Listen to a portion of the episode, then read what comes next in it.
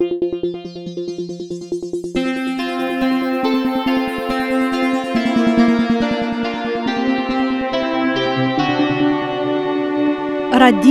Esperanto. Saluton, parolas Kaliningrado. La 23 de aprilo dimanche, el la Kaliningrada studio de Radio Esperanto, vin salutas Aleksandr Korženkov Kai Halina Gorecka. Vi auscultas nian duon ciaran cae lovice la quardec duon son programon. Citiu podcasto aperas tri monatoin post le antaua, cae ni ne esperas che nia serio ciu monatigios ciara. Ia gis octobro nian tutan tempon prenos la laboro pri la enciclopedia proiecto nia diligenta collegaro, escepte del monato finai semainoi, dum kiu ni pretigas la vican numeron de la ondo de Esperanto. Tamen dum la pasca semaino, ni laboras io metta mal pli strece ol kutime kaj ni decidis hodiu je la tago de apostolo Tomaso, konata ankaŭ kiel Antipasko, registri plian programon de Radio Esperanto. Dum la tri pasintei monatoj ni pretigis tri numeroin de nia bitgazeto La Ondo de Esperanto, kaj ni dankas al ciui kiu vivigas gin per siei abonoj. Interalie ni registris jam ducent quardec abonoin, kaj ni esperas je quaron milo. Cetere, ciu vi, kiu nun auscultas nin, Yes, vi, cara Semidiano, ciu vi jam abonis la ondon? Hodiu, post la fino de mia conduco, Halina in sia rubrico Occidente de Ruslando rakontos al vi pri la hieraŭa memordato, al kiu oni dediĉis specialan atenton en nia urbo, char temas pri nia plei fama samurbano. Poste vi audos Esperanto novajoin, conatigas kun la aprila ondo, kaj excios la nomoin de la laureatoi de la literatura concurso Liro. La programon finos canto el la albumo Sovaggia Animo de la brasila grupo Baroc Proiecta. Ciun cristanein esperantistoin, kiu nun audas mian vocian, mi core gratulas ocasa del Pasco. Kai al ciui cristanoi, budhanoi, kai mahometanoi, anco al ali creduloi, kai sen creduloi, mi desiras bonan auscultadon.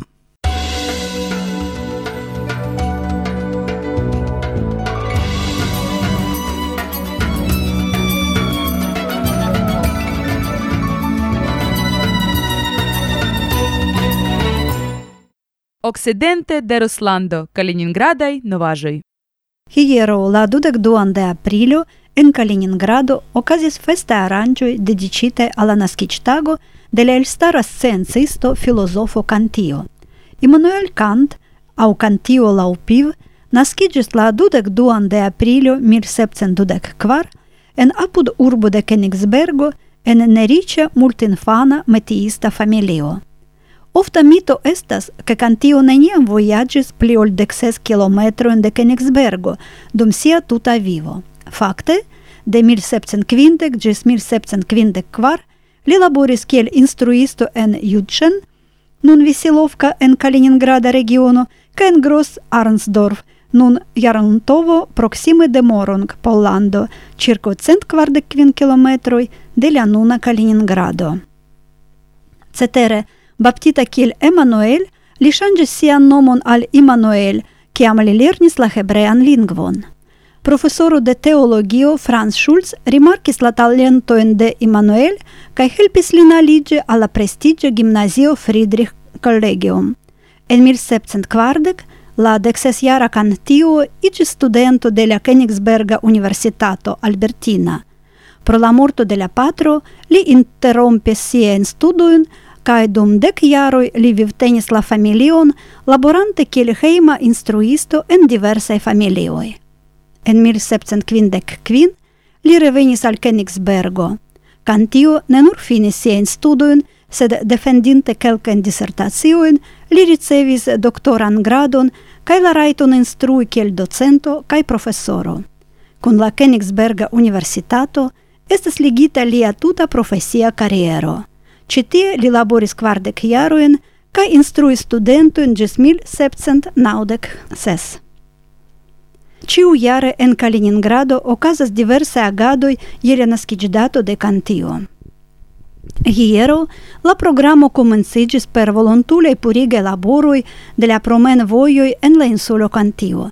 En ĉi tiu laboro partoprenis laborantoj de la katedralo kaj de la regiona registaro, universitataj studentoj kaj urbanoj. Ĉiuj volontuloj ricevis in biletojn por la sabata orgena concerto en la katedralo. Anco in la katedralo okazis pliaj inter alee prelego de Jürgen Stolzenberg, profesoro de la Martin Luther Universitato en Halle-Wittenberg. Estis inaugurita ekspozicio de la pentristino Nelly Smirniagina La urbo, kantio kaj mia samtempulo, cium consistigis circa ĉirkaŭ ducent artajui de la Kaliningrada maestro. La naskiĝtagon finis flormetado al la memortombo de Kantio – че la catedrala muro. La nomon de cantio en Kaliningrado havas la strato sur lia noma insulo cae la Balta Stata Universitato.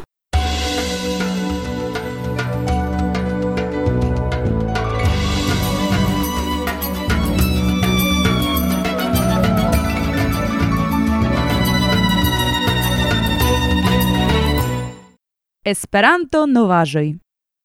En sia consido la 7 de aprilo Seimo, la malsupera cembro del Pollanda Parlamento, per acclamo acceptis decidon pri omaggio al Ludovico Zamenhof, la creinto de Esperanto, respectanta lien meritoin ca atingoin, ocasa de la centa dat reveno de la morto de doctoro Esperanto. La ocan de aprilo ocasis le inauguro de Zamenhof placo en la Esperanto urbo Herzberg am Harz la cefa tut-germanie informa gantejo dopo A, disendis informo in pritio alla tuta Germanio. La deklaran de aprilo je la centa morto da treveno de Zamenhof, brita broadcast corporatio Boboco, disendis amplexen intervjuon kun la brita Esperanto aktivulo Tim Owen. Ana Stretku kaj Klara Ertel – representis teion en tutmonde festivalo de ideoi por dauri pove evoluo. La evento organizito de unuiginte nazioi ocasis en marto en Bonn, Germanio. Perla Martinelli kaj Giorgia Silfer reprezentis feminisman Esperanto movadon kaj la redakcion de literatura foiro en la 39 internacia festivalo de la femina filmo, okazinta meze de marto apud Parizo. Interkonsenton pri instruado de Esperanto subskribis la lernejo Hadenjon en Kalavia podurbo de Cotonou Benino kaj la asocio Scio sen bariloj.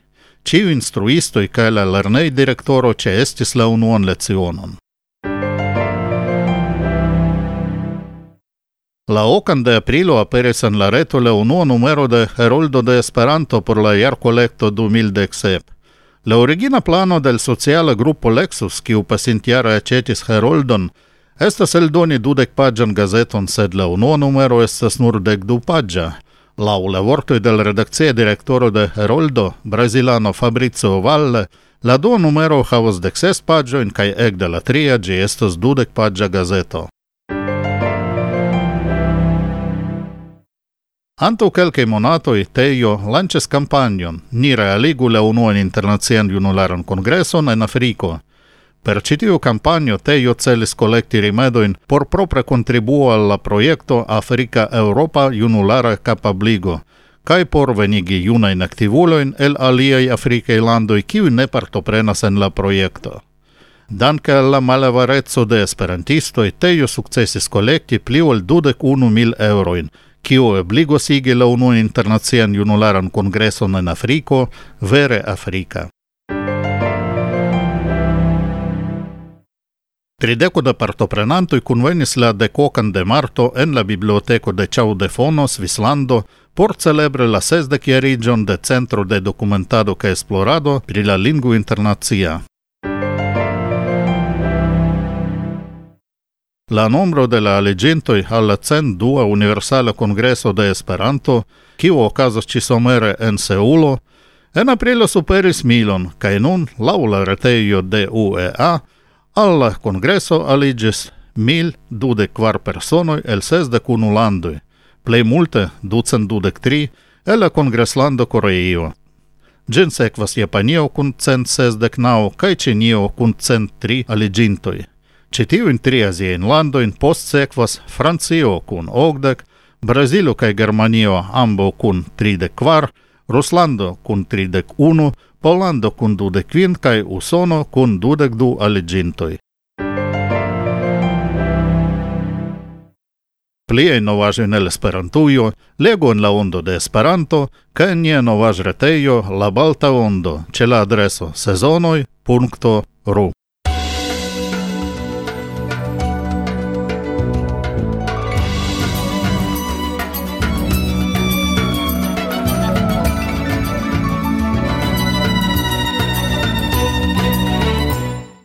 Parolas Kaliningrado. Anto tri semainoi, la unuan de aprilio, aperis la aprilia numero de la internazia sendependa magazino La Ondo de Esperanto, kiu ciare aperas kiel газето. gazeto. La quaran ciaran ondon malfermas la articolo membro nombrui de UEA, malcresco ec de iardecoi, verkita de la conata germana esperanto activulo Lu Wunsch Rolshoven. La cefteman articolon Sekvas sur dudek unu paĝoj la movada sekcio eventoj kun pluraj artikoloj pri divers temaj esperantistaj kongresoj kaj renkontiĝoj en Eŭropo, Azio kaj Ameriko, interalie pri la Himalaja renkontiĝo, al kiu ĉi-jare venis grupo da mondgrimpemaj esperantistoj el Slovakio. Ĉi-jare en la sekcio Tribuno comencigis la nova rubrico Vidpunkto, en kiu pri la nuna stato ca estontezo de Esperanto parolas konataj activuloi, kies opinioj ne estas identaj kun la ideoi de la nunaj gvidantui de la Esperanto-movado. En aprilo en la nova rubrico gastas Carlo Minaja, kiu dediĉas sian atenton al kelkaj punktoj rilataj al kulturo en la dokumento Strategie prioritatoi de UEA, kiu estas apendico de la strategia laborplano de UEA 2013-2017. Krome, en tribuno estas interalie prezento de lingvistika esplorado de Esperanto en la Universitato RGS Turkio kaj la artikolo per la angla lingvo la usona kaj brita imperioj sklavigis la mondon de Zlatko Tischler. La plej ampleksaj tekstoj de la aprila ondo – ambo sep pagei, aperis en la sekcio Arkivo kaj Kulturo. La unua estas la eseo de Alexander Korzenkov, Homia cor ne batu maltrankvile pri la lasta vivo jaroi kaj forpaso de la aŭtoro de Esperanto, okaze de ties centa morto dat reveno. La dua estas Bargamuto kaj Garasko, pasca rakonto de Leonid Andreev, tradukita de Igor Sokolov cadre de la literatura concurso Liro. Crome, en culturo attentindas recenzo de Paolo Mojaevo pri la disco Sen Elisi de Jacques Le Puil. En la seccio Mosaico estas nova vers enigmo de Valentin Melnikov, sprita splitoi cae presc eraroi de Istvan Ertl, cae, ocase de la Zamenhofa iaro, plia colecto de Zamenhofa scherzoi cae anecdotoi, aperintai en lia revuo La Esperantisto, anto pliul cent cent dudek jaroj. textui cae texto fragmentoi el la aprila ondo estas kiel kutime legeble en la demonstra podofo versio. Vidu la referencon en la supro de la dextra kolumno en nia retejo esperanto streketo ondo punto ru. La ondo de Esperanto en 2017 aperas ĉiu monate krom augusto, kiel bitgazeto laŭ la normoj Podofo kaj Epubo. Jarfine ĉiuj ricevus sen senpagan literaturan suplementon. La Ondo de Esperanto estas abonebla kontraŭ dec quin euroi por la tuta jaro ĉe landaj perantoj UEA konto kaj per la internacia monpaga sistemo PayPal. Plie informoj estas en nie reteioi. esperanto-ondo.ru kaj sezonoj.ru.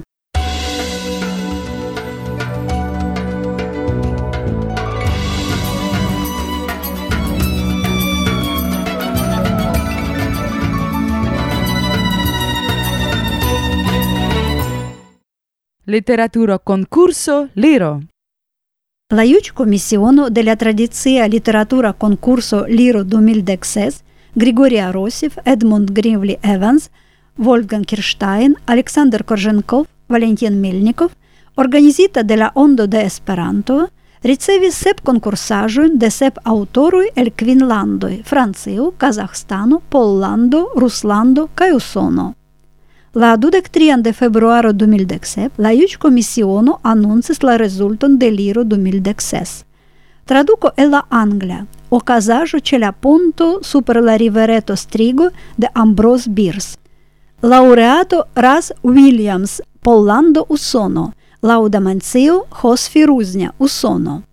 Traduco el la rusa, laudo al soneto de Constantin Balmont, лауреату Людмила Новикова Русландо, Лауда Менцио Евгений Георгиев Казахстану. La laureatui ricevos diplomoin kaj libroprimioin. Gratulon al la laureatoj, dankon al la partoprenintoj.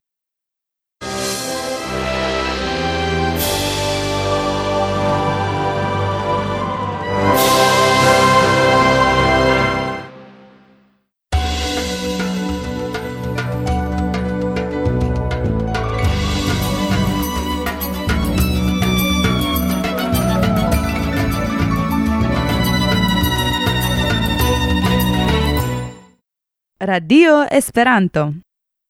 La Brazila bando Barok Projekto estis fondita del gitaristo Rafael Miomem kaj Muniz en la jaro 2007, kiam ili eldonis sian kvarkanzonan virtualan konceptan albumeton Batal Temp.